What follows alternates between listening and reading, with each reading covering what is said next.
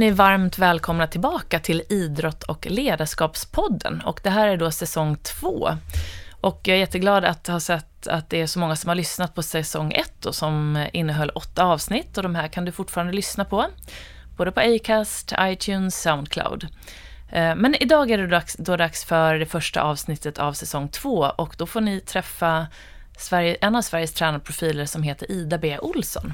Och jag och Ida träffades på ett event som Röners hade här i somras. Och jag blev väldigt nyfiken på den här kvinnan och har sedan dess följt hennes Instagramkonto där hon har över 10 000 följare. Och det heter Workout is passion. Där hon sprider sina kloka råd om träning och om livet. Så jag ringde upp henne och det resulterade då i det här eh, avsnittet. Och vi kommer som vanligt i den här podden att prata om eh, lärdomar från misstag, nycklar till framgång, hur du lär dig hitta balansen i tillvaron och eh, hur du kan prestera på topp och må bra på vägen. Så på slutet kommer jag att eh, prata lite grann om vad jag tar med mig från den här, eh, det här avsnittet då, så häng med till dess. Men eh, nu ska vi lyssna på Idas resa och eh, varmt välkommen och eh, nu kör vi!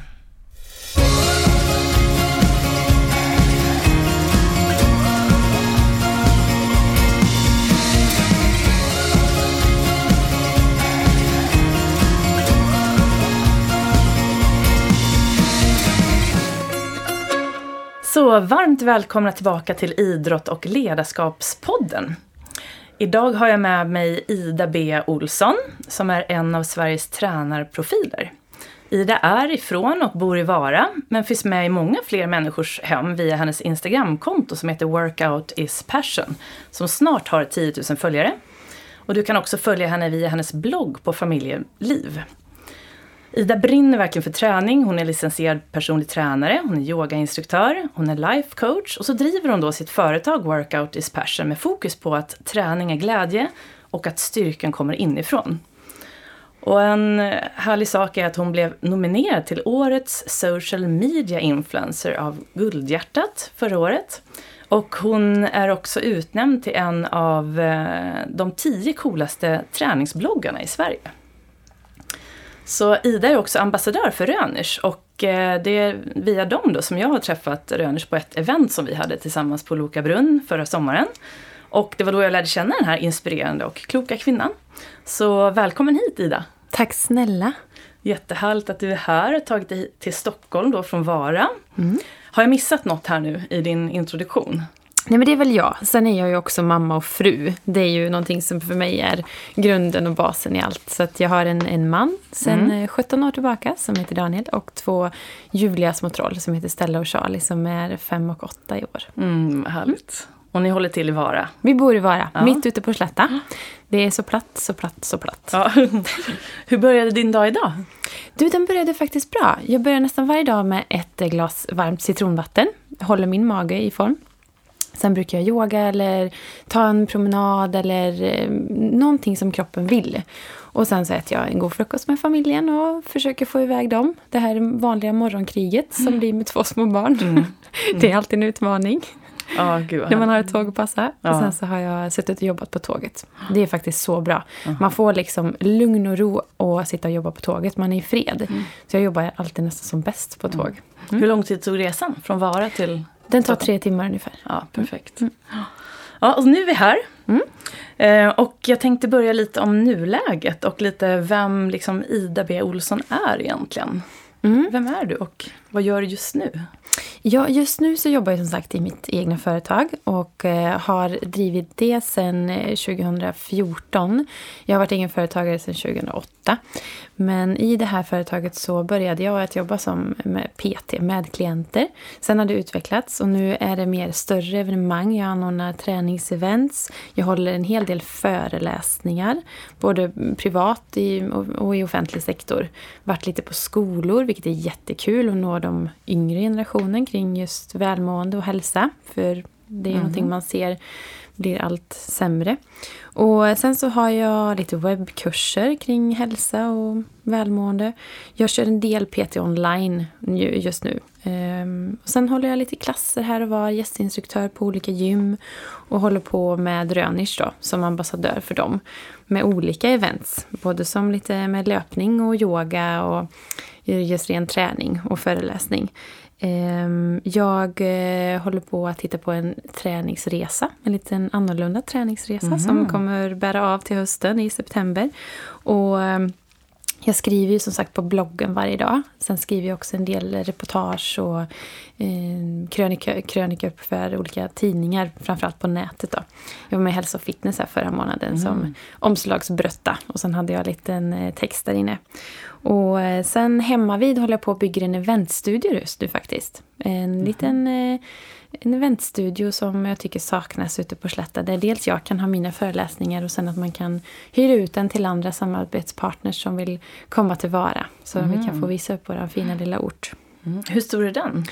Den, eh, gud ja med kvadrat alltså. Men är det en, ett rum eller är det liksom ja, det är en... en stor lokal. Eller ja. stor och stor, men den är, det är en lokal så jag kommer kunna ha liksom yogaklasser för kanske 30 personer och även eh, lite större föreläsningar för runt 50. Ja, jättebra. Mm, det är lagom. Det där brukar ju saknas. Ja, men bara en neutral plats. Mm. Mm. Och det här när du nämnde det här med skolan, vad är det du gör med dem när du är i skolan? Hur kan en sån föreläsning eller en sån, ett sånt uppdrag se ut? Det har varit eh, dels kring just bara välmående och hälsa.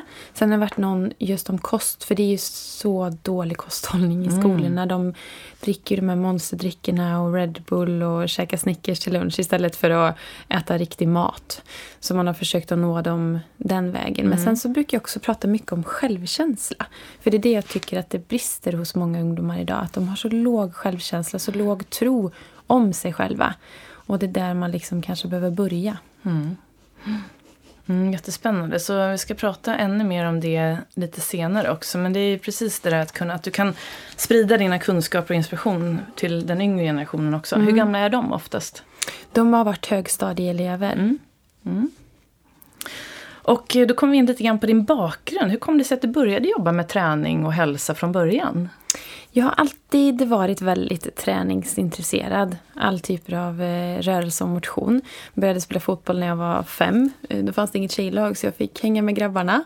Jag var känd för tjejen som var enda tjejen i laget så jag fick alltid ha ett eget omklädningsrum och bara åh nej, nu kommer det laget som har en brud i laget. Mm. um, så uh, fortsatte jag med fotbollen i ganska många år faktiskt. Började även med innebandy. Uh, spelade division 1 i innebandy och division 2 i fotboll. Vi mm. kvalade upp till division 1. Det var så långt jag kom där. Sen så skadade jag knät faktiskt. Mm. Och då kom jag in på styrketräningen för att rehabba det. Jag fick göra en operation med ledbandet. Och um, sen så har det liksom fortsatt där. Och jag har väl alltid tror jag varit en uh, naturlig ledare. Liksom. Jag var fotbollsledare och fotbollstränare för de yngre tjejerna. Mm. När jag själv spelade i 17-årslaget till exempel. Och um, fotbollsdomare och sådär. Så jag har alltid gillat att ja, men ta mig an och, och leda en grupp. Mm. Inte som någon, eh, någon längst fram, utan en i gänget. Mm. Och vad betyder träning för dig idag? När, när, jag, när jag säger träning, vad tänker du på då? Då tänker jag på alla de bitarna där jag rör mig. Träning för mig är ju så varierat. Jag älskar just variationen av träningen. Att jag ena dagen kan känna att nu vill jag verkligen yoga. Jag vill yoga en hel timme eller en halv, sträcka ut kroppen i alla olika plan och vinklar och öva på min andning. Medan i andra stunden nästa dag vill jag springa två mil i ett högt tempo. Så att träning för mig är när jag får röra på mig på ett sätt jag inte gör i vardagen när jag jobbar. Mm. Och den betyder ju allt. Alltså hade jag inte vetat bättre hade jag förmodligen tränat ihjäl mig. Mm. För jag älskar att träna. Mm. Det finns ju så mycket kul att träna. Mm. Det finns så mycket roliga sporter, träningsformer. Så man bara, det är som ett helt hav där ute. Man kan bara plocka vad man vill. Mm. Så det, det gör allt för mig med träningen. Det är då jag mår som bäst, när jag får träna.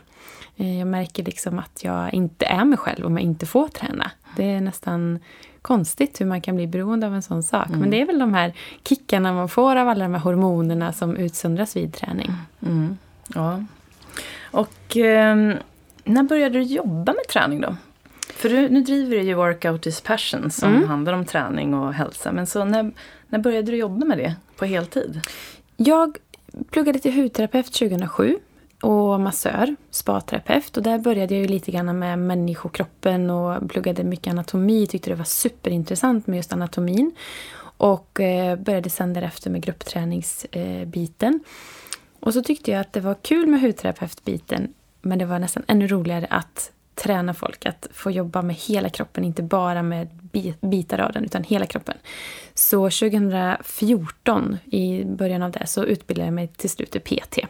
Jag eh, gick Safe Educations i Göteborg och eh, det var en tuff och intensiv utbildning, men väldigt, väldigt, väldigt bra. Eh, verkligen en gedigen utbildning där man lär sig allt från grunden. Och där hade jag ju med mig anatomidelen ganska bra.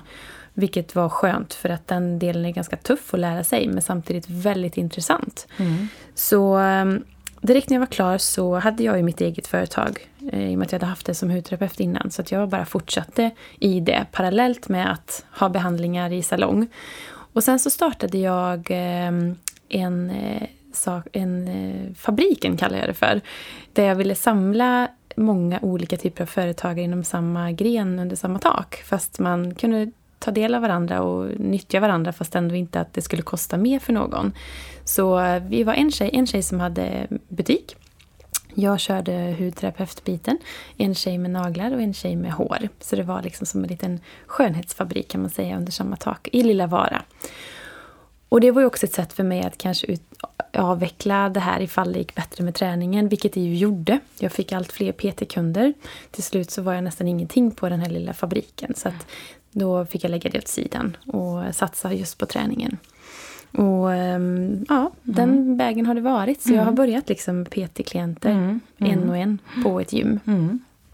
Så de utbildningar som du har gått för att komma dit du är nu. Du nämnde då hudterapeut och sen gick du den här eh, Safe Education. Har, är det något annat som du känner att du har gjort när det gäller utbildning? Både så på skolbänken så att säga och även i det verkliga livet som gör att du kan allt du kan idag? Ja, men dels att man har, att man tycker om det man gör själv. Och att man har jobbat med så mycket människor hela tiden. Och ehm, provat på olika yrken såklart. Jag har sålt bilar och jag har sålt kök. Och, och allt har liksom gett en någonting. Allting ger ju någonting. Man lär sig någonting utav det. Men där har man aldrig, jag har aldrig hittat hem där. Utan det är ju först när träningen kom in i livet på heltid som jag kände att just det, det var det här jag drömde om när jag var barn. Jag har alltid vetat att det är någonting som jag kommer att bli riktigt bra på. Som jag kommer älska att göra. Och det är det här verkligen det här. Jag har hittat hem. Mm. Eh, så de utbildningarna jag har gjort utöver PT, det är väl eh, mängd olika gruppträningsinstruktörsbitar i både Les Mills och eh, en del holistisk training och gyminstruktör och sen även life coach då. I och med att jag mm. ville koppla in den här mentala delen. Jag tror att det, det, hänger lite grann ihop. Kropp och knopp har med varandra att göra. Mår du bra uppe i knoppen så mår du bra i kroppen och tvärtom. Mm. Och man kan inte sära på dem utan man behöver, allt fler tror jag behöver den eh, biten med i träningen. Du kan inte bara stressa en hel dag, gå och sätta dig på en spinningcykel och köra skiten ur dig i 45 minuter och tro att du mår bra utav det. Du kanske egentligen hade behövt återhämtning eller vila eller en skogspromenad. Då. Mm. Och eh, sen så har jag även utbildat mig då till yogalärare mm. enligt globalyogan.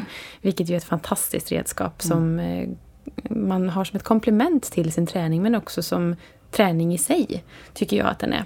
Och nu håller jag på att utbilda mig till löpcoach också. Då. Mm. Mm. Ah, gud vad spännande. Mm. Det är en liten reflektion, det är att eh, apropå det med, med det här balansen och mental träning, så min bakgrund är ju golfen som mm. du vet. Och, eh, där, eh, den mentala träningen är ju väldigt stor där. Mm. Men just det här som du var inne på med självkänslan, den har ju inte varit lika, man har inte pratat om det lika mycket, i alla fall inte när jag spelade aktivt och så vidare. Men jag läste mm, Annika Särenstam, som är en av världens främsta golfare genom tiderna. Hon har en blogg, för hon ska vara kapten för Solheim Cup-laget. Hon hade ett inlägg i den bloggen häromdagen. Om, hon får ju ofta frågan vad är det som har gjort att hon har blivit så framgångsrik. Och eh, där skriver hon just att den frågan kanske, ja den får hon ofta men svaret är inte så enkelt. Att det är inte bara en, ett svar utan det gäller ju, det spelar ingen roll hur bra du är på tekniken och fysiken. Men om du liksom inte har bra självkänsla och tror att du ska fixa det när du står där på första hålet. Mm. Så att det gäller ju verkligen att få in balansen i sin träning som du själv nämner. Och det gäller ju alla sporter. Det gäller även till vardags, eller hur? Ja, absolut. Och visualisera att man kan. Jag jobbar jättemycket med visualisering. Och även kring just självkänslan. Den kan man låtsas att man har. Mm. Ja, precis. Spännande. Men då kommer vi in lite grann på det här med framgång och vägen dit. Och eh, just nu går ju då det här programmet Mästarnas Mästare på TV. Jag vet inte om du har sett det? Ja. Så jag tyckte det var så spännande. De satt och pratade här i något avsnitt om vad som har gjort att de själva har lyckats. Och eh, också vad de har offrat på vägen. Och de nämnde själva att de var så nyfikna på varandra för att lyssna till vad, vilken resa de själva hade gjort och de de var där med. Så nu är jag lite nyfiken på din, hur din väg mot framgång har sett ut liksom, och vad framgång är för dig. Framgång för mig är väl att man hittar den här balansen i livet mellan just jobb och familj. Att ingenting är viktigare än något annat. Eller familjen ska ju vara det viktigaste såklart. Men att inte jobbet får ta över allt. Så man kan ju vara framgångsrik, en, ehm, en ensamstående kvinna med tre barn som kanske har ett banalt arbete i många ögon tycker jag är en framgångsrik kvinna. Om hon lyckas ge kärlek och mat på bordet till sina barn. Det är ju framgång eh, viktigare än någon annan. Ehm, så man får hitta liksom basen i vad är viktigast av det. Eh, det tycker jag är eh, det viktigaste. Och ehm, att sakta men säkert styra åt framgången. Inte gå med armbågarna igenom utan låta hjärtat och magkänslan styra framgången. Du vill nå någonstans, det är inte fel. Det är lite osvenskt men det är inte fel att vilja nå en framgång. Men att låta hjärtat och magkänslan styra tror jag är det viktigaste av det. Mm.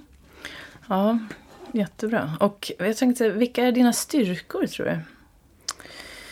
Ja, styrkorna är väl att jag... Både styrka och svaghet är att jag är så spontan. Mm. bara kör på. Jag tänker inte alltid så här efter. Um, vilket jag har fått erfara hårt. Hårda slag ibland. Men det är då man lär sig, eller hur? När man gör misstagen. Men styrkorna är väl att jag, jag gnäller liksom inte. Jag kör på. Och jag förstår att det är jag som behöver göra jobbet. Det är ingen annan som gör det åt dig. Det är ingen annan som kommer och serverar saker på silverfat. Utan man kan inte förlita sig på att andra gör någonting om man inte ber dem naturligtvis eller rådfrågar eller ger dem, kan du komma in med din expertis här? Utan att du får göra det själv. Och att det får gå sakta men säkert framåt. Och när det väl då går åt pipsvängen, vilket jag har gjort några gånger såklart, man har testat på olika saker, att man hittar upp i sadeln igen. Att man är pang på det. Men att man tillåter sig att gräva ner sig en liten kort stund. Fasen, det här gick åt pipsvängen, jag tänker aldrig mer göra det. Och sen så rycker man upp sig, kavlar upp armarna och kör igen. För att man måste ju testa flera, flera gånger innan det, kan, innan det blir bra.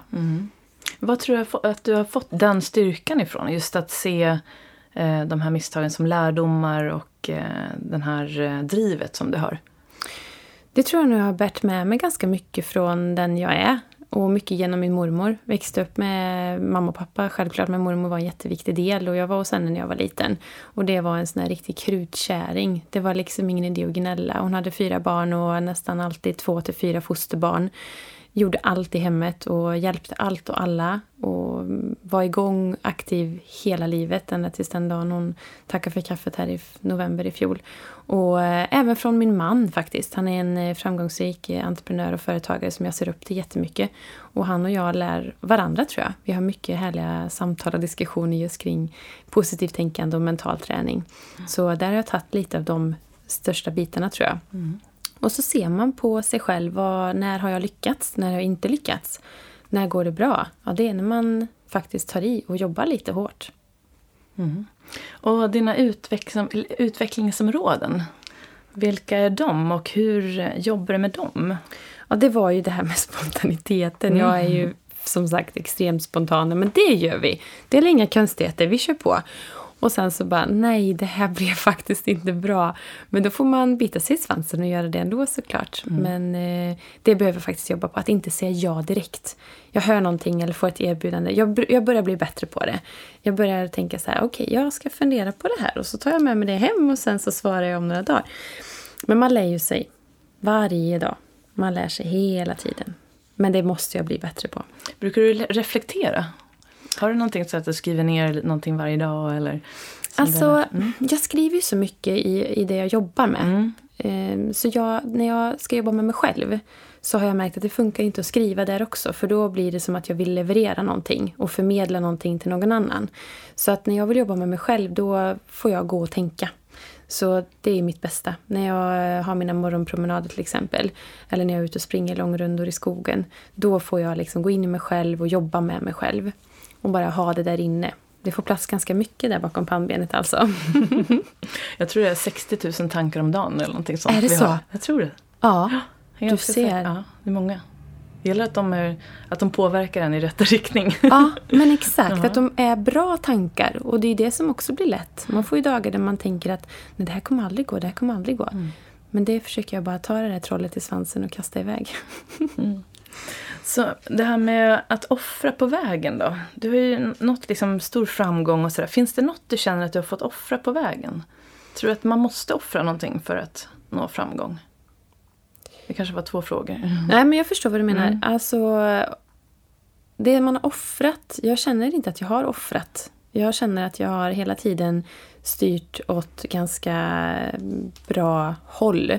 Tänkt att det som får gå först är alltid familjen.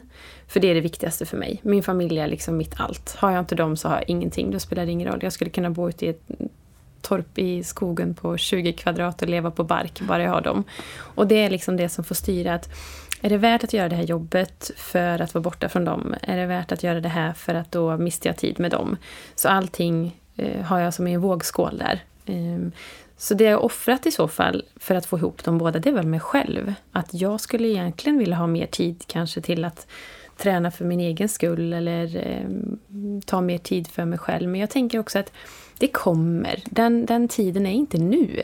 Jag är 35 år, jag känner att jag är på piken av livet. Jag har liksom jobbat hårt för att nå det jag är idag och jag ska nå ännu högre. Jag är på väg uppåt och då finns det liksom inte tid för allt. Man kan inte få allt utan man får ta då små korta stunder emellanåt för sig själv. Som när jag satt på tåget, jag tog en kvart i alla fall och satt och förlurade lite. Ja, Tittade ut genom fönstret och på solen. Så körde man igång igen. Så vi kommer in lite grann på det här med mål nu. Du säger liksom, jag tror också att du bara är i början av din resa faktiskt. Där håller jag. Det ska bli superspännande att följa. Men hur har du jobbat med mål och liksom, har du några tydliga mål? Hade du några tydliga mål och drömmar som ung? Mm, som jag sa i början att jag har nästan alltid känt sådär att det är någonting som jag, nej jag, jag kommer bli bra på någonting. Jag kommer att bli bra på någonting som jag kan hjälpa andra människor med. För jag har alltid varit den som vill hjälpa aldrig kunnat säga ja, men, hoppas det går bra. Utan vad kan jag göra för dig? Alltid sträckt ut en hand och en famn och alltid varit den vännen kanske som alla ringer till när de behöver just hjälp. För de vet att det, det går från ord till handling när eh, de frågar mig om hjälp. Och um, det har jag ju hittat nu. Så det har väl varit ett tydligt mål och en visualisering kring att det här ska nog bli någonting bra utav det när jag var liten. Mm. Um, men just nu visualiserar jag hela tiden. Och det gör jag inte via skrift utan i, i mitt huvud så har jag klara mål och planer på vart jag ska stå då och då och hur det ska se ut. Så, så hur ser de målbilderna ut som du målar upp i huvudet? Nej, men det kan vara, de, jag försöker göra dem ganska så specifika. Att var är jag då? Hur ser jag ut? Var står jag? Vad händer? Vad doftar det? Målar upp det ganska tydligt liksom, där jag är. Och än så länge så har det ju tagit mig några steg i alla fall där jag har då har jag faktiskt stannat upp också. När jag når dit i verkliga livet, då stannar jag upp. Då poppar jag upp en flaska bubbel och njuter och slår mig själv på axeln och tackar dem som har hjälpt mig dit. Så att man, man tillåter sig själv ibland också att stanna upp och fira framgång. För annars så bara man jagar och jagar och mm. jagar. Mm. Till slut blir det ju ekorrhjul utav det och man blir aldrig nöjd. För jag är jättenöjd och skulle det sluta här så är jag supernöjd. Då går jag med en härlig ryggsäck och har något att berätta för barnbarnen att Jo minsann, jag var allt omslagsflicka sa en gång i tiden. Mm. så man är nöjd med det också. Du sa något spännande där när du målar upp en målbild. Eftersom jag själv jobbar med mental träning så är just den här målbilden är så viktig att den är konkret, specifik mm. och så tydlig. Så att det blir mm. som att man skapar ett minne mm. som inte har hänt. Mm. Ett framtida minne så att säga. Och då är det ju jättebra att få in alla sinnen, precis som du sa. Hur luktar det, hur smakar det, hur känns det? Mm. Eh, Det, där, det är precis så. Visst är det häftigt? Mm. Och se när det liksom funkar också. Ja. Det är ju det som man bara, wow! Konkreta målbilder. Ja, Mm. Så ja, jag skulle vilja veta hur den där målbilden ser ut här nu. Vad du har för målbild här nu framöver. Men din verksamhet då? Du är ju verkligen på gång här med Workout is passion. Kan du berätta lite mer om, om den och Mm. vad som är på gång just nu? Workout is passion. Ja, alltså det började ju så roligt för att det började ju innan jag ens pluggade till PT. Det började när jag kände att jag fick massa frågor kring min egen träning och vad jag äter och hur jag tänker och hur kan du alltid ha motivation, hur kan du alltid vara så glad? Och då startade jag ett Instagramkonto mm, bara för att det var roligt att dela med sig av lite träningsupplägg, övningar och sånt som jag själv hade lärt mig. Och sen så märkte jag att det var ju faktiskt ganska många som tyckte det var bra att följa och vara med och man fick förfrågningar och sådär. Så då började jag som sagt utbilda mig till PT. Och um, så jobbade jag med PT-klienter.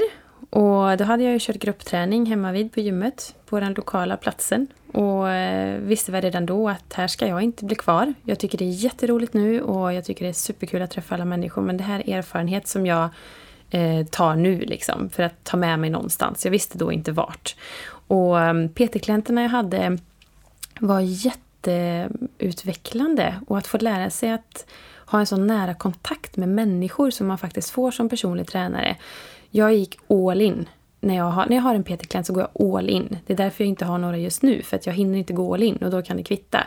Jag har aldrig haft som ambition att vara PT på ett gym och jobba åtta timmar om dagen. Och bara beta av människor. Se dem komma och gå. Utan jag har, gjort, jag har varit med dem i affären på ICA och handlat för att de inte vet vad de ska köpa för mat.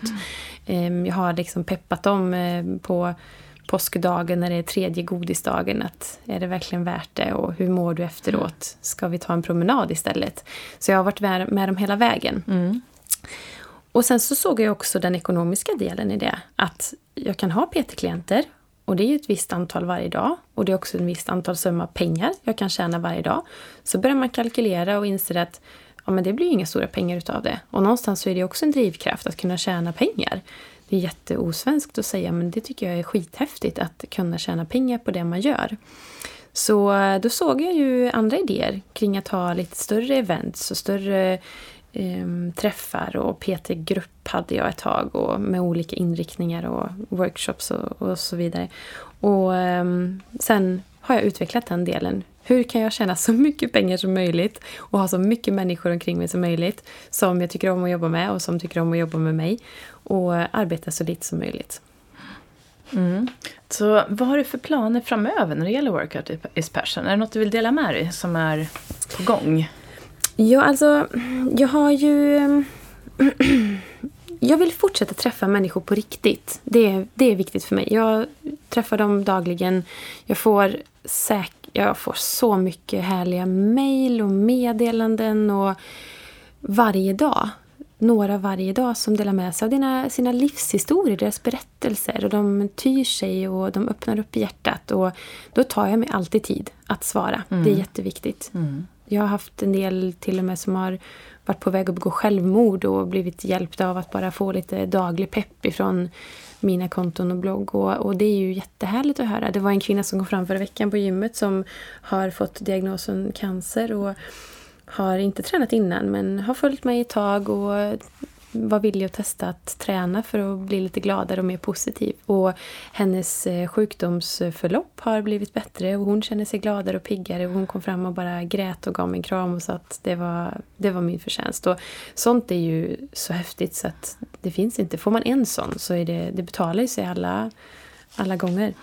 Så att träffa människor på riktigt eh, och att eh, få fler att vara snälla mot sig själva. Jobba med kropp och knopp. Jobba med snällträning.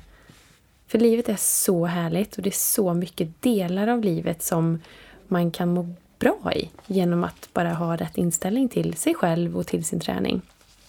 Så genom olika samarbeten så försöker jag att nå dit nu. Så man får ju vara lite allt möjligt i sitt egna företag. Man får ju även vara, man är entreprenör så man får ju även tänka till hur man ska jobba med sina samarbetspartners och, och så.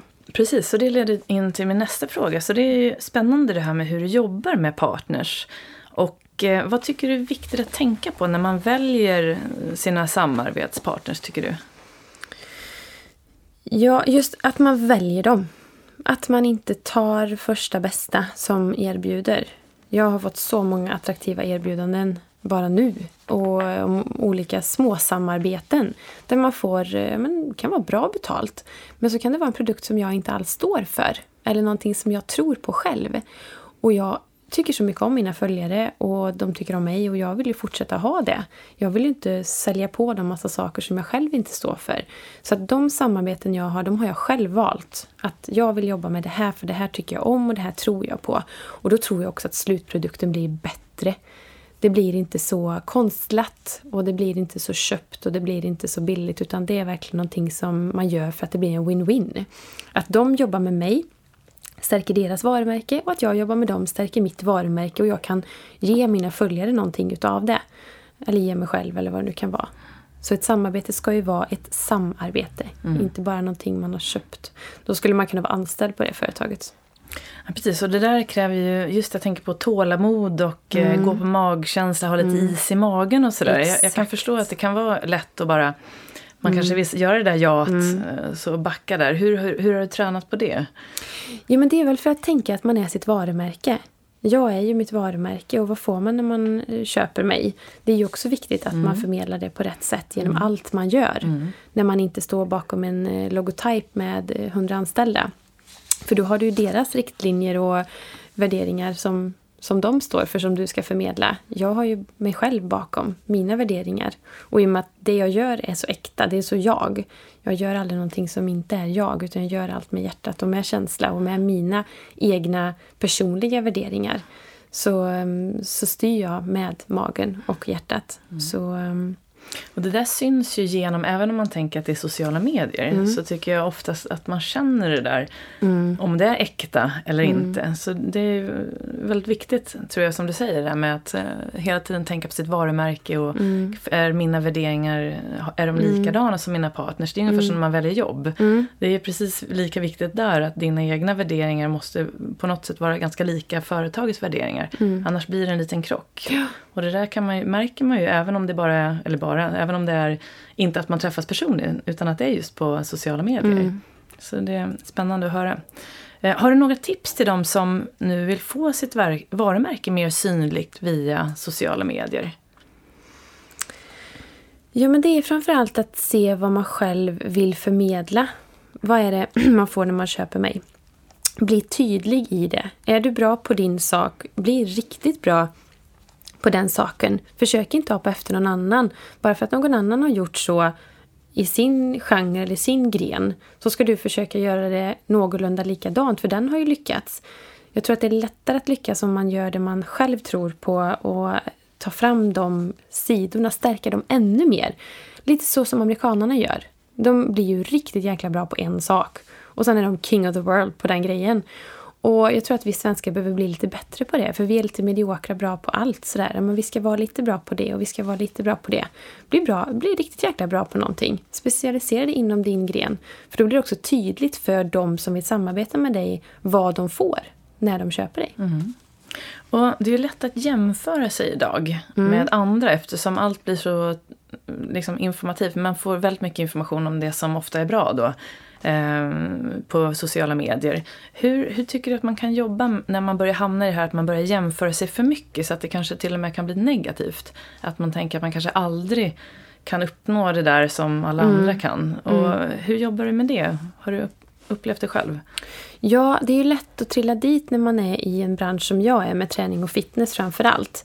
Den grenen blir ju väldigt liten ändå. Det är ju en liten del, en liten klick i, om man säger då Sverige, som jobbar med träning och fitness. För folk pratar om hälsohets hit och hälsohets dit. Men då tycker jag man ska öppna sin perspektiv lite grann och se hur ser det ut i stora hela? Hur ser det ut i vårt land? Och det är ju inte hälsan som är det farliga åt det hållet. Utan det är snarare så att vi blir mer stillasittande och ökar i vikt och vi får följdsjukdomar. Och det är där tror jag man får vakna upp lite grann. Och jämföra sig, ja förr i tiden jämförde vi oss med grannen eller med arbetskollegan. Och då var ju det jobbigt om man fick en konkurrens. Idag jämför vi oss med, mm, vi ska bli lika bra på att laga mat som Tina är på TV. Och vi ska bli lika flashiga mammor som hon på omslagen av mamma.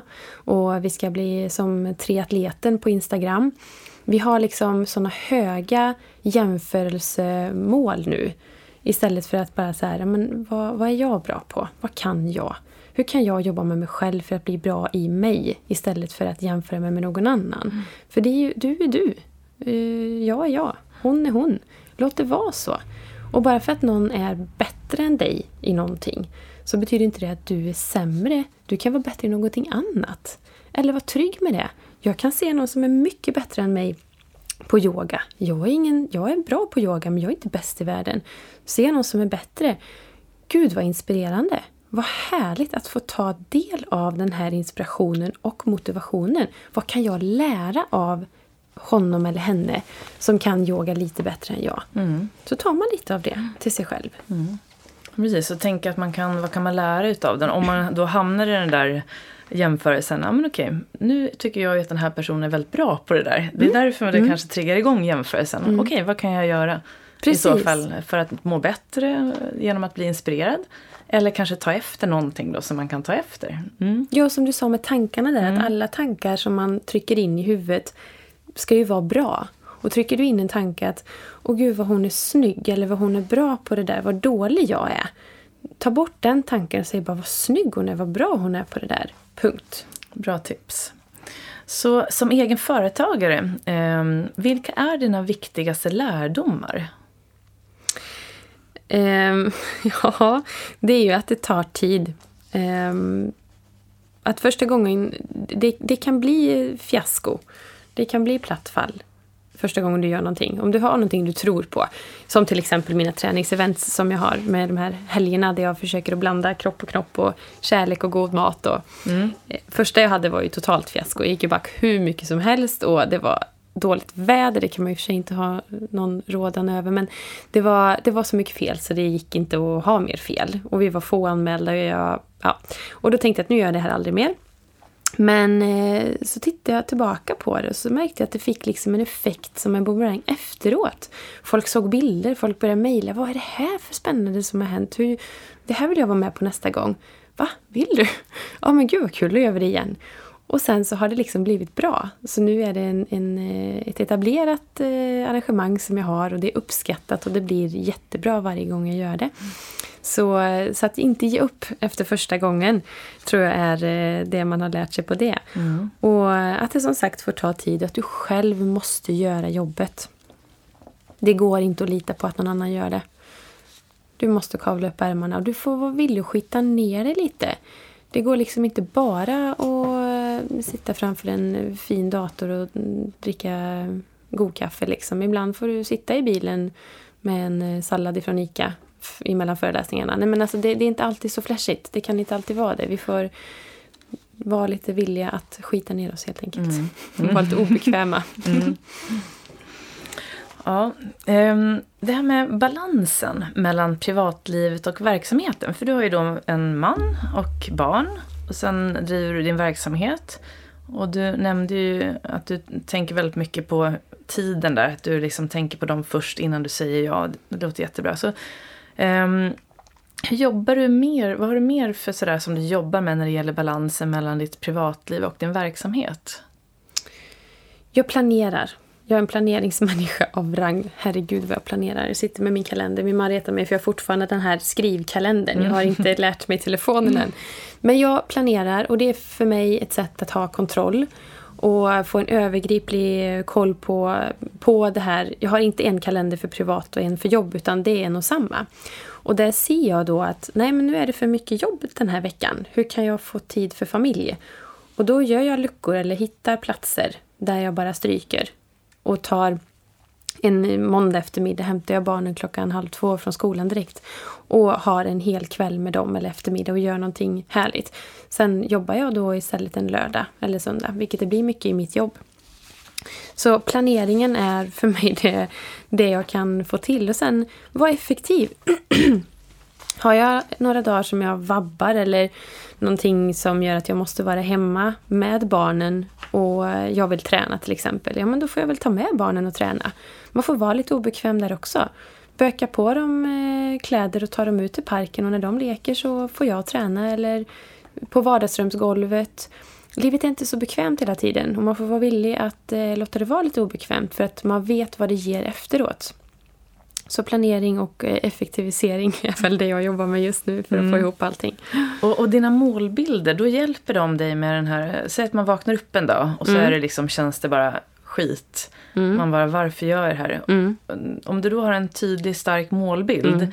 brukar den ploppa upp där? Just det, det är ju därför jag gör det här. Känner du det ofta? Så tydligt. Mm. Och sen är det också att jag jobbar ju med känslan. Det är det jag vill förmedla. Mm. Att titta inte på den där vågen, titta inte på den där vikten på gymmet. Stirra inte blind på det i alla fall. Det kommer komma ändå. Men hittar du känslan i det du gör. Att just det, det är därför jag gör det här. Det är därför klockan ringer så tidigt så jag går ut på promenaden för att det smakar så gott med frukost efteråt. Mm. Eller eh, det är därför jag ligger här på ett hotellrum i Stockholm själv ikväll för att det ger mig någonting tillbaka efteråt. Mm. Att man eh, förstår att det man offrar ger någonting. Det tycker jag är lättare och då har man den här målbilden för man har gjort det tidigare. Mm. Och har jag inte gjort det tidigare så måste jag måla upp en ännu tydligare målbild eller visualisering av hur det skulle kunna kännas. Mm. Låtsas lite, hitta på. Och ibland möter jag eh, i mitt jobb också då, det här när man pratar mycket om mål, vilket eh, kan kännas kravfyllt för många. Mm. Jag har en frisör som jag frågade henne här, Eh, när jag sa att det var viktigt med mål, hur mm. känner du att det var kravfyllt? Hon bara, ja mm. det känns superkravfyllt. Mm. Då frågade jag, men om jag säger drömmar då, hur känns det då? Mm. Ja, det tyckte hon var lite bättre. Exakt. Så, så vad säger du till dem då, som, när du säger att det är viktigt med målbilder och det måste, vad har du för tips till dem? Jo, men precis som du sa med drömmar, då förklarar jag att det är ju inte målbild så som att du ska klara av något prestationsinriktat. Målbilden kan vara att du står där, när du har gjort klart allt det där, så står du där i dina nya jeans och du känner dig så här och det doftar så här. Du har rullat håret på det här sättet eller du har tagit på ditt nya bälte. Eller att man försöker hitta de där bitarna så att de förstår att det är känslan man vill åt i det. Att det inte är för att man ska kunna skriva i en bok att jag har lyft så här många vikter eller jag har väger så här mycket nu. Utan att det är känslan man vill åt. Så precis som du säger, drömmar, visioner, måla mm. upp det på det sättet istället. Men målbilder är ju mer övergripande så att man förstår vad det är man gör. Och du behöver ha mål också för att veta när du är framme. Har du inte målbilden där tydlig och, och känner av att nu är jag här, då fortsätter man ju bara springa på. Sen ska man inte stirra sig blind på målbilden för att den större delen är ju resan dit. Mm. Och det tar sidosteg hela mm. tiden. Mm. Herregud vad jag har varit ute på små stigar innan man har kommit till målet. Mm. Då gäller det att ha verkligen tålamod att jag kommer komma dit och den här tydliga målbilden att jag kommer komma dit. Mm. Nu är jag mm. bara ute och seglar lite vid sidan men jag ska snart in igen för att jag har den målbilden så jag vet åt vilket håll jag ska styra. Jag vet att jag ska inte bakåt, jag ska inte mer åt sidan, jag ska framåt. Mm. Nej men precis. Nej, men, och, ja, nej, men det är jätteviktigt med eh, målbilden, verkligen. Mm. Um, och uh, att den kommer som sagt från hjärtat. Och mm. att man pratar drömmar mm. istället för bara krav. Och det är det jag tror har varit vanligt att de blir oftast, jag menar en målbild kan ju vara att jag vill bli fullkomligt harmonisk. Mm. Och sen att man gör en lite Exakt. mer konkret uh, i vad betyder harmonisk. Mm. Jo att jag djupandas mm. en hel dag. Mm. Att jag andas lugnt. Att jag går omkring med ett lätt leende när mm. någon säger något. Det kan vara sådana mål. Mm. Och ibland tror jag att mål kan bli förknippat till prestation i mm. form av som du sa, att man skriver ner idag sprang jag så långt mm. eller idag åt jag bara det jag skulle äta. Det blir inte mm. njutningsfullt. Mm. Så det här med konsten, det finns ju en, en coach i Sverige just nu som heter Olof Relander. Mm. Känner till ja. Yep. Han har ju skrivit den här boken Hur hittar du konsten att njuta och ändå få någonting gjort.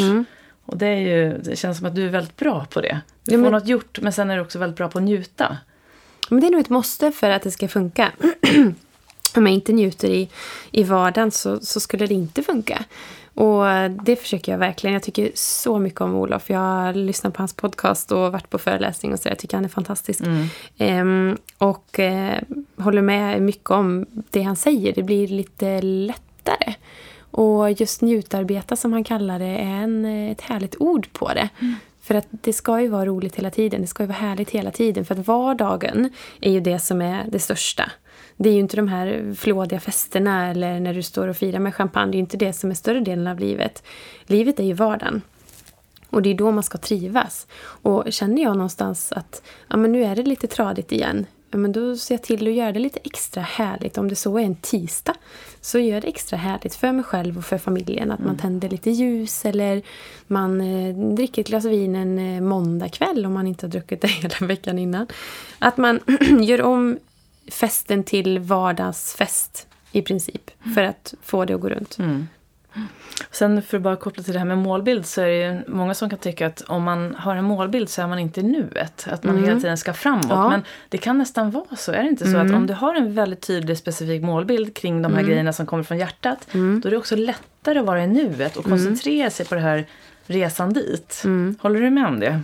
Ja, absolut. Man, eh, man strävar hela tiden efter den här lyckan. Mm. Man strävar efter den här lyckohorisonten. Att då, då, den här målbilden, om man nu står på ett ställe, då känns det bra. Och um, Det är lätt att stirra sig blind på den, vilket man ju inte ska, utan försöka hitta då känslan av att resan är det härliga. För att när du väl kommer till målet sen, om du bara stirrar dig blind på det, då blir det lite, jaha, nu då? Vad händer nu? Ja, du ska sätta upp ett nytt mål och så blir det en stress och en prestation i sig. Så vi förflyttar ju hela tiden den här lyckobilden. Och det är därför man behöver jobba med balansen för att hitta lyckan i nuet och i vardagen samtidigt som man har den här målbilden framför sig. Mm. Och det är inte gjort i en handvändning. Det är inte lätt. Jag har inte sagt det heller. Men, men det är värt det. För att det är ett eh, härligt sätt att eh, få livet att fortgå åt mm. rätt håll. Tycker jag i alla fall. Mm. Ja, så det här, just att det där är ju säkert en av nycklarna till att prestera på topp och må bra på vägen. Mm. Så, och du lever ju verkligen som du lär och skriver väldigt kloka råd och tips om både träning och välmående på bloggen och på Instagram som vi pratade om. Så om vi bara går in lite grann mer på träning, så vad är dina bästa träningsråd? Um, det är ju ganska individuellt egentligen. Dels beror det på vad du har för erfarenheter kring träning och vart du vill nå med din träning, varför du vill göra det. Men om man tänker för gemene man som inte tränar för prestation, att du inte tränar för att du ska tävla eller någonting, så tycker jag man ska hitta glädjen i det man gör. Man ska hitta glädjen i att det är härligt att gå ut och springa. Jag måste inte ställa klockan och det måste inte ske under en viss tid. Jag måste inte springa en distans. Utan det är skönt när jag kommer in, jag får duscha, sätta mig och käka min kvällsmacka eller vad det nu kan vara. Att man hittar den där känslan i varför man gör det. För sen kommer det att komma resultat ändå. Om det är så att du vill gå ner i vikt eller om du vill få bättre kondition, det kommer i alla fall. Men du kommer nå lättare dit genom att hitta känslan, för det kommer göra att du vill tillbaka. Du längtar tillbaka till skorna eller till danslokalen för zumba-klassen eller vad det nu kan vara. Och att hitta det du tycker är roligt att göra. Vill du klättra? Vill du simma? All träning och motion är ju bra för dig mm. så länge du rör på kroppen på ett sätt som du inte gör annars. Och då tycker jag man ska vara snäll mot sig själv där. Att bara för att grannen och cocktaina och du och jag springer så måste inte eh, Greta i, i Örebro springa om inte hon vill det. Mm. Utan eh, om du tycker om att gå på spinning så gör du det. Det viktigaste är ju att man rör på sig och att hjärtat får jobba. Hjärtat är ju kroppens viktigaste muskler. Den behöver ju påfrestas för att veta att den ska växa och bli starkare. Så att konditionsträna någon dag gärna ett par i veckan, är ju bra för dig. Det är bra för ditt hjärta. Varför gör du det här? Jo, men det är för att du ska bli stark i ditt hjärta. Du ska leva länge, du ska hålla dig frisk. Och att de dagarna som du känner att nej, men det här, nej nu, nu har jag planerat in ett löppass men jag, min kropp orkar inte. Jag har stressat och sovit dåligt. Inte fasen ska du snöra på dig skorna och tvinga ut dig då. Om du verkligen känner att du inte orkar eller kan. Utan ta ett yogapass eller gå och simma. Men gör någonting. Eller ta en promenad.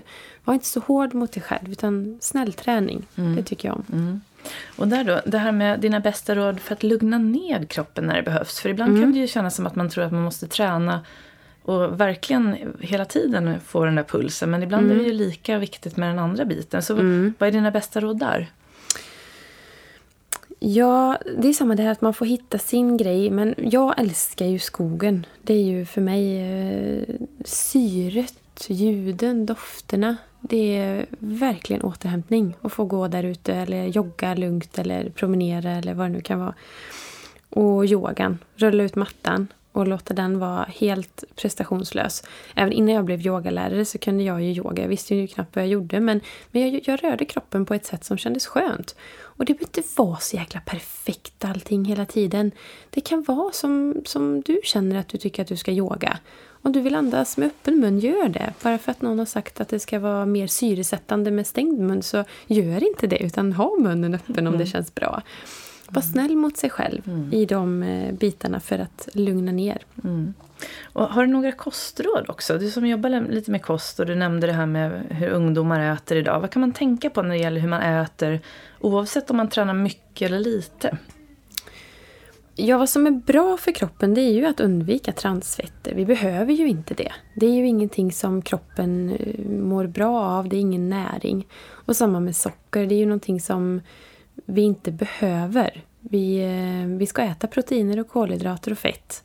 Och det ska din kost och vardagskost, dagliga kost bestå av fem gånger om dagen. Du ska få i dig alla de här bitarna många gånger om dagen så att du håller en jämn blodsockernivå. Du ska dricka vatten när du är törstig och äta när man är hungrig lite grann. Jag märker så fort jag börjar träna mer styrka till exempel, jag äter som en varg. Och när man eh, jobbar lite mer med konditionsträning har inte riktigt samma behov för att kroppen gör sig inte av med lika mycket. Så, men äta mat och njuta av det. Och du behöver liksom inte... Om du går från att ha varit en chipsätande en gång om dagen person så ska du ju inte ta bort eh, det och börja äta massa gröna drinkar och chiapudding utan gör det lätt för dig. Ät det som eh, du vet är någorlunda hälsosamt, alltså ta bort det du inte behöver. Men njut av utrymmesmaten också. Om du äter 80-20 till exempel så, så kommer man runt det ganska bra för mat ska också vara en eh, njutbar del av livet. Ska, jag skulle aldrig klara mig utan ett glas rött och en god pasta. Va? Det är ju fantastiskt. Mm. Men jag skulle inte vilja äta det en måndag förmiddag eller lunch heller. Utan då vill jag ha min quinoa-sallad med, med grönsaker. För att jag vet att jag mår bra utav det. Och jag får näringen i dig. För att mm. näring är ju, det är ju ditt bränsle. Det är det du tankar din kropp med. Du tankar och tarmfloran, det är ju 70% av immunförsvaret sitter i magen. Det du stoppar i dig är ju det som blir ditt immunförsvar. Så det är det bästa investeringen för att hålla sig frisk. Mm. Att äta bra. Bra motivation. Mm. Men vad gör du de dagar du absolut inte känner för att träna eller äta nyttigt? Om de liksom kommer. Om de kommer, du var lite osäker där. jag är lite osäker ja, på det. Tänk, då, tänk dig om, om någon annan skulle känna så. Ja, det, Vad tror gör man då? det tror jag alla mm. gör någon gång. Mm. Jag, jag, eh, jag har hittat en ganska god balans i min träning. Jag får sällan dagar där jag, åh oh, gud, jag orkar inte. Men självklart kommer de någon gång då och då. Då lyssnar jag alltid på kroppen. Jag vet att jag kommer att träna hela mitt liv och det är en så stor del av mitt liv. Så jag är helt lugn i att bara strunta i det de dagarna. Och jag känner efter ganska mycket. Har jag tränat hårt några dagar så känner jag efter att om nu behöver en vilodag, då vilar jag. Och behöver jag en vilodag till efter det för att kroppen fortfarande är sur, då tar jag en vilodag till. Så jag har ingen stress överhuvudtaget i det. För jag tror att kroppen behöver det som den säger att den behöver. Mm. Och lyssna liksom. Är jag hungrig så äter jag, är jag törstig så dricker jag. Så är jag trött så sover jag. Mm. ja, jättebra. Bra tips. Um, nu lite grann till, den här podden handlar mycket om uh, nycklar till framgång men också att uh, det här uh, lärdomar av misstag. Och jag vet att det är lättare sagt än gjort men mm. när man brukar se i backspegeln på de misstag som man gjort så brukar man se att det oftast har resulterat i någonting gott i slutändan. Så då undrar jag, vilka misstag har du gjort som du lärt dig allra mest av? Mm -hmm, misstagen, ja. Det kostar ju det kostar ju ibland att göra det rätta. Faktiskt. Ibland är det ju lätt att bara hänga på vad alla andra gör. Och eh, man tar inte det som egentligen är rätt beslut för att det, det är jobbigt och kostar mer. Men eh, det har jag gjort. Och eh, det är lite fegt emellanåt att göra det. Och det, har, eh, det är ett misstag som jag har burit med mig. Jag försöker att eh, tänka till och känna att jag gör det här och det kommer vara lite kämpigt och jobbigt men det kommer generera till någonting bra. Men specifikt så vet jag en gång jag köpte en... Jag jobbar på BMW. så köpte jag en helt ny bil, en BMW. Beställde min första nya bil. Eh, och eh, hade inte sålt min gamla bil. Och när den här bilen kom så började liksom paniken att växa. oh, ursäkta. Ehm, och jag hade ju liksom inte råd att betala båda bilarna. Vi, nej. Så att jag fick fullständig panik och la ner, sänkte priset på den här bilen, försökte sälja den till gud och alla människor. Och sen kom den här bilen och jag hade båda två. Och då vet jag, jag var så stressad över att behöva betala de här två bilarna. Så, så till slut så kom det en räddad ängel och köpte den här jäkla bilen så att jag eh, hann inte få så mycket mer ont. Men det gjorde ändå ont och det var en stress i sig. Så att det har jag verkligen lärt mig att man inte ska eh, ta ut så mycket seger i förskott. Man ska visualisera och ha målbilder men man ska inte ta ut segern i förskott och tro att man liksom har den i sin hand innan man har den. Och tro liksom att eh, det kommer att lösa sig genom att någon annan gör någonting. Utan det är du själv som får lösa problemen. Um, och så har jag haft något event någon gång vet jag när jag verkligen förlitade mig alldeles för mycket på andra och lyssnade på vad andra tyckte kring det här eventet som jag skulle göra och det blev inte heller bra. Och, så nu, nu sköter jag allting själv och jag har väl lite kontrollbehov där, tror jag, mm. till att det ska gå bra. Dubbelkollar allt och gör allting själv för att det ska bli bra. Mm. Mm. Så ja, man lär sig verkligen av sina misstag, herregud. Ja, men det är precis så det funkar. Jag brukar säga det till mina barn där, att det är just misstagen, gör man dem inte så lär man sig inte. Nej. Det är ju bara så. Det är bara det att man måste oftast göra dem mm. för att mm. förstå just den mm. kommentaren också. Ja, och i så. motgångar i livet, ju mm. motgångarna. Mm. De, de, har ju jag börjat nästan bli lite läskigt eh, nöjd över. Mm. När det liksom går lite jobbigt. För jag vet att det är då jag lär mig. Det är då det kommer efteråt, att man mm. har lärt sig någonting på det och man växer sig starkare ur det. För någonstans tror jag att livet testar en på det man klarar av. Du blir inte utsatt för någonting som du inte klarade att ta dig igenom.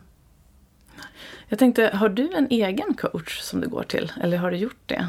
Nej, faktiskt inte. Nej. Jag lyssnar på mycket och läser mycket. Eh, och tar in information och kunskap på det sättet faktiskt. Mm. Mm. Mm, ja, spännande.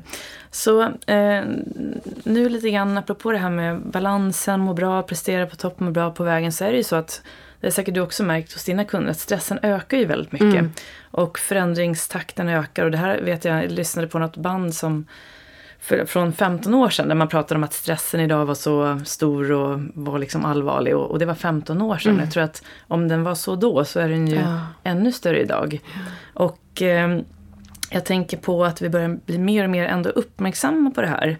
Men att det kommer nog ta tid innan den här siffran går ner. Och jag hörde senast nu här att sjukskrivningar som är stressrelaterade hos kvinnor har ökat med 30 procent de senaste mm. tre åren var det. Och då var den ganska hög från början. Så vad tror du är det viktigaste att tänka på för att inte låta den här bägaren tippa över så att säga? Tänker du just eh, både för män och kvinnor? Eller? Jag tänker, ja nu pratar du om kvinnor men jag tänker mm. det, det gäller faktiskt män också. Mm. Men jag tror att statistiken är inte lika tydlig där. Men mm. jag tror att, eh, där vet jag inte exakt hur det är. Men just jag tror, det gäller ju såklart män också. Så generellt både män och kvinnor. Vad ska man tänka på in, innan det gått för långt så att säga? För när man blir sjukskriven då har det ju ändå ja. gått redan ganska långt. Ja, då har du ju, då har du mot, motsatt håll liksom. Du har ju mm. backat några steg. Du har mm. ju kommit in på bränslereserven. Jag tror man ska se över alla delarna innan. Eh, det handlar inte bara om just vad du äter eller hur du tränar eller hur du sover, utan det handlar om alla delarna i livet. Se över hur äter du, hur sover du, hur ehm, motionerar du? För motionen ska vara en naturlig del. Det ska vara en, en, en del som är lika självklar för dig som att eh, duscha när du har svettats. Det ska vara en sån del för att du ska känna och veta att det gör dig gott. Och det gör dig gott i ditt välmående och ditt välbefinnande. Inte för att du ska kunna lägga ut en bild på Instagram om det. Eller att du måste visa upp att du har sprungit så här långt. Utan för att du ska må bra. Och alla de bitarna och även återhämtningen. Ta tid för den här återhämtningen. Om det är meditation eller som för mig att gå i skogen. Eller den här återhämtningen där du faktiskt inte gör något. Inte när du sover utan när du bara inte gör någonting eller du gör det som du trivs med. Du kanske tycker om att dreja eller måla. Den här återhämtningen är så enormt viktig för att tror jag, komma ikapp med all stress och all hets och alla jaktinstinkter och eh, skrämselinstinkter som man får när man, som man kopplar på när man faktiskt eh, stressar så mycket som vi gör. Ehm, var ute. Jag tror vi är ute för lite. Ut med det bara. Ut och rör på dig. Om det så är liksom tio minuters liten lunchpromenad så gör det jättegott för hälsan och för välbefinnandet. Och kärleken. Att ge och ta kärlek, både till sig själv och till andra, tror jag är jätteviktig. För glömmer man av den biten, då eh, tror jag det borras ett lätt så stort hål i hjärtat om man inte ger sig själv och andra kärlek. Om man bara ger tid och energi på att prestera på jobbet och på sin träning och man är helt manisk i vad man äter och jag måste gå och lägga mig då för att, eh, för att eh, sova de här timmarna för jag ska upp och göra det här. Ge tid åt dem du älskar och som betyder någonting i livet. Det ger så mycket, för det är också en investering. Det är ju aldrig fel att investera i dem man mm. faktiskt har som sina närmsta. Så man märker då att man kanske känner igen sig lite att stressen ligger på lite för länge, lite för mycket. Det kan ju vara till exempel att man får tryck på bröstet mm. eller att man blir lättirriterad. Mm. Eh, du kanske inte riktigt känner igen dig själv. Det kan ju vara varningssignaler. Så mm. då är det då alltså bra att gå tillbaka och kolla på alla delar. Mm. Framförallt återhämtningen. Vad gör jag för att återhämta mig? Mm. Um, och de här tipsen. Man kan sätta, jag kallar det för hälsotårtan. Då har man alla de här bitarna. Kost, motion, sömn, återhämtning, kärlek och ja, vardagsmotion eller utomhusvistelse. Så sätter man en siffra. Vart är jag idag? 1 till 5. 1 är dåligt, 5 är bra. Och så sätter man en siffra under. Vart vill jag vara? Inom, om det nu är realistiskt, inom en månad eller tre. Vart vill jag vara då? Vilken siffra är realistisk att jag ska vara på då? Så man liksom har en liten, man har en liten quick check på sig själv. Mm, mm. Jättebra. Så ja, nej men, jättespännande och som sagt jag hoppas att eh, alla vet vart man kan följa i det här nu för er. För just de här dagliga tipsen och råden betyder ju väldigt mycket. För att få den här lite påminnelsen kan man väl säga. Mm. Just mm. i Instagram framförallt där du lägger upp många tips och råd varje dag. Och det är då Workout is passion. Mm. Men nycklar till framgång, så din resa har ju bestått av många grenar och delar som vi nu har fått lyssna till. Och som sagt så tror jag att det här bara är början av din resa. Det ska bli spännande att följa. Eh, vi har ju pratat lite om det, men vad tror du nu är framgångsfaktorerna vad gäller att lyckas inom, oavsett om det är sin idrott eller med sitt företag eller kanske sitt familjeliv eller ja, vad det nu är man vill uppnå. Vad tror du är det viktigaste där? Det viktigaste är nog lite som vi har pratat om, att man, att man investerar i sig själv och sin egen kropp och knopp. Att man ger sig tid till att både ta hand om sin hälsa i det yttre, alltså träna och röra på sig. Och att man även eh, kopplar av och eh, njuter av livet emellanåt. Och framförallt med de som betyder någonting. Att man inte ger massa energi till sådana som inte tycker om dig eller som du inte tycker om. För det gör man ju ofta. Man kan lägga massa tid och energi på en dag på jobbet med leverantörer och människor man träffar på möten och så kommer man hem sen och så säger man till sin familj ah, jag är så trött, jag orkar ingenting, låt mig vara och så är man lätt irriterad hemma. Lägga fokus på det som faktiskt ger mening och investera i någonting i livet. Det tror jag är eh, det viktigaste och att njuta av resan, att njuta av det. Inte bara se målet utan mm. må gött hela tiden. Livet är fantastiskt. Det mm. finns så mycket härligt att uppleva. Mm. Bara man liksom tittar upp från de här tunnelseendet som man får när man stressar. Bara, nej men nu bara jag skiter i det där högen med tvätt eller den där dammråttan där och så sätter jag mig här med min kopp te och är med min familj eller jag tar det där sen. Då och då tror jag vi behöver det för att det försvinner aldrig helt. Man når inte den där då är allt klart. Bara jag gör det här och det här och det här och det här, då ska jag. Den tiden kommer inte. Sluta jaga efter den. Mm. Njut av idag. Mm. Och då tror jag att man kommer i balans och harmoni med sig själv och då kan man också prestera. Du blir mer medveten. Liksom.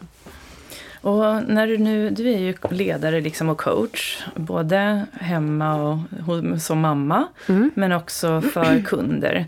Så vad tror du liksom framgångsfaktorerna är där? När, om du vill bli liksom en framgångsrik ledare eller coach, oavsett då om det är som förälder eller företag eller kanske tränare eller vad man väljer. Vad tror du man ska tänka på där? Ja, det är som du säger, det är ju, man är ju coach i alla de rollerna faktiskt. Så det har du helt rätt i. Man är ju en, eh, en människa som eh, ger och tar. Och det tror jag är viktigt, att man ska ge och ta. Man har eh, två öron att lyssna med och en mun att prata med. Så ibland bara lyssna lite mer än vad du säger. Det du, det du säger, det jag sitter och pratar om här idag, det vet jag ju redan. om jag läser och tar in så lär jag mig någonting Mm. av det. Och det gäller också i mötet med människor. Och det tycker jag är det häftigaste. Att möta och se människor. Och lära av andra människor. Så var lyhörd i det. Um, och sen var ödmjuk kring, alltså ödmjuk inställning till både sig själv och till livet.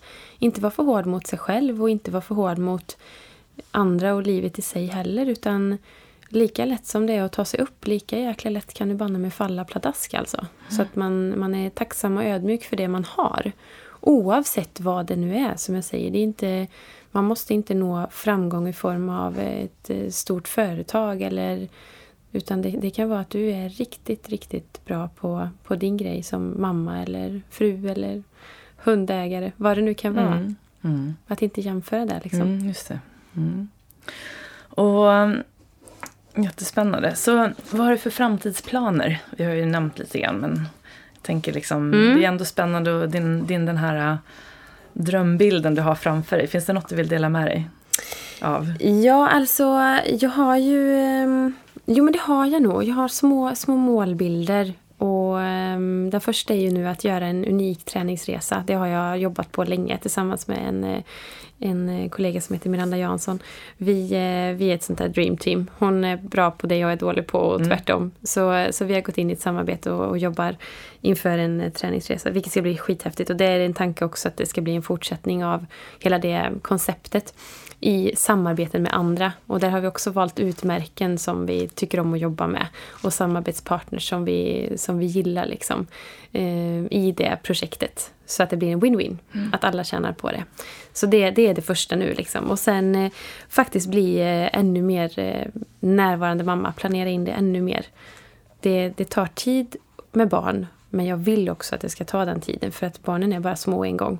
Så jag tänker inte, tänker inte låta det bli mer än som det är nu. För att då kommer jag vara mindre hemma. Och det är så viktigt för mig att få sitta med min åttaåring och eh, vara med på hennes matteläxa. Mm. Det är viktigare än någonting annat.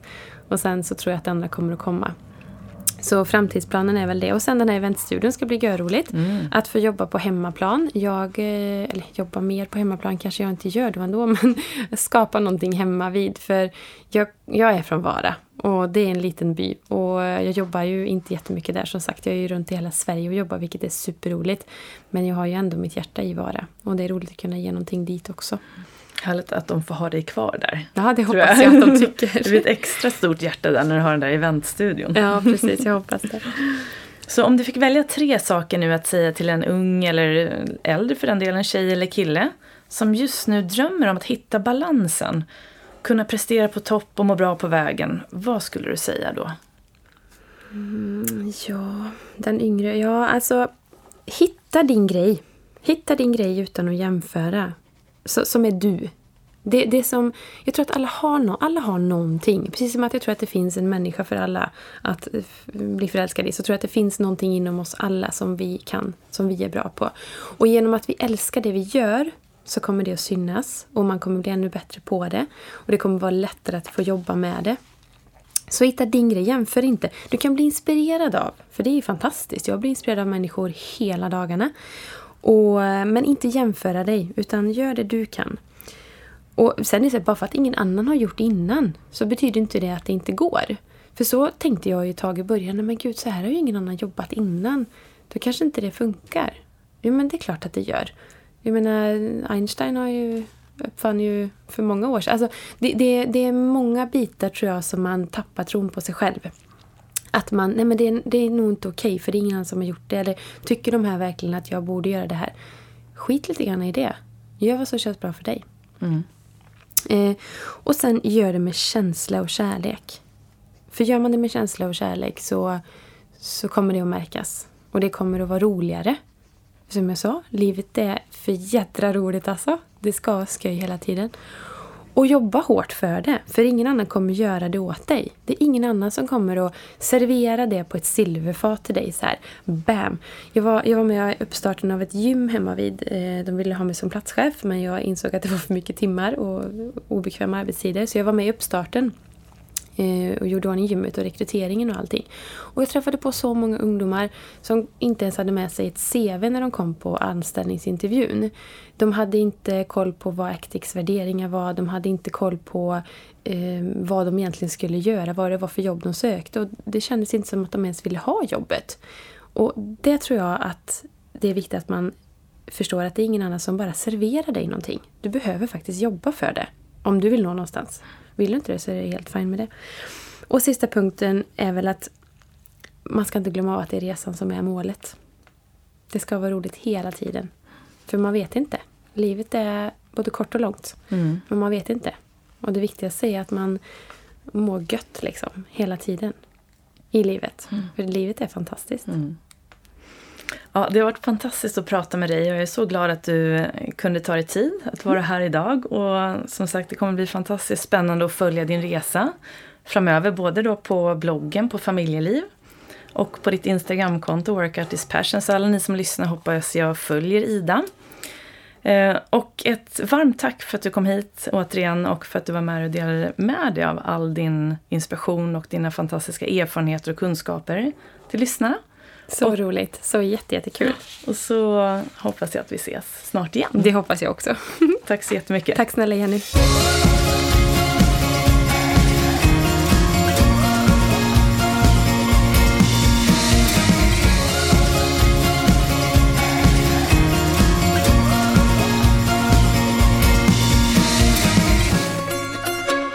Då har vi lyssnat till det första avsnittet av säsong två av Idrott och ledarskapspodden med Ida. Och eh, det jag tänker på mycket efter den här intervjun, det är hennes otroliga målfokus och driv som hon har. Man känner det verkligen när man sitter med henne, att hon har den där kraften och en otrolig styrka och förmåga att vända saker som händer till det positiva. Hon ser det som händer som lärdomar och eh, ett lärande. Och Eh, det gör ju att hon får en väldigt positiv attityd till saker. Det betyder ju inte då bara att man viftar bort saker med en glattig attityd, utan att man tar till sig också det som händer, lär sig någonting av det så att man kan, liksom kan göra om, göra rätt och se det som en lärdom i framtiden.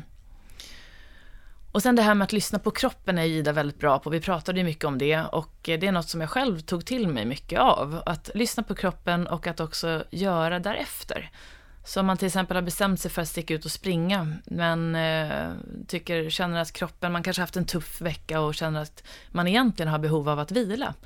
Och då är det mycket bättre att satsa på någon lugnare form av träning, som till exempel yoga eller gå en promenad eller liknande, istället för att jaga på kroppen ännu mer. Så att man verkligen lyssnar och gör därefter. Och sen den här styrkan om att man lär sig att eh, inte ta ut någonting i förskott tyckte jag var bra också. Eh, men att man sen, när man väl lyckas, att man också tar sig tid att njuta utav det. Så det var många kloka råd tycker jag från Ida och eh, jag hoppas att ni fortsätter följa henne på hennes Instagramkonto Workout is passion och även på hennes blogg eh, på familjeliv där hon fortsätter sprida sina kloka råd. Och tills vi ses igen så önskar jag dig en fortsatt härlig tid och på återhörande och ta hand om dig. Show.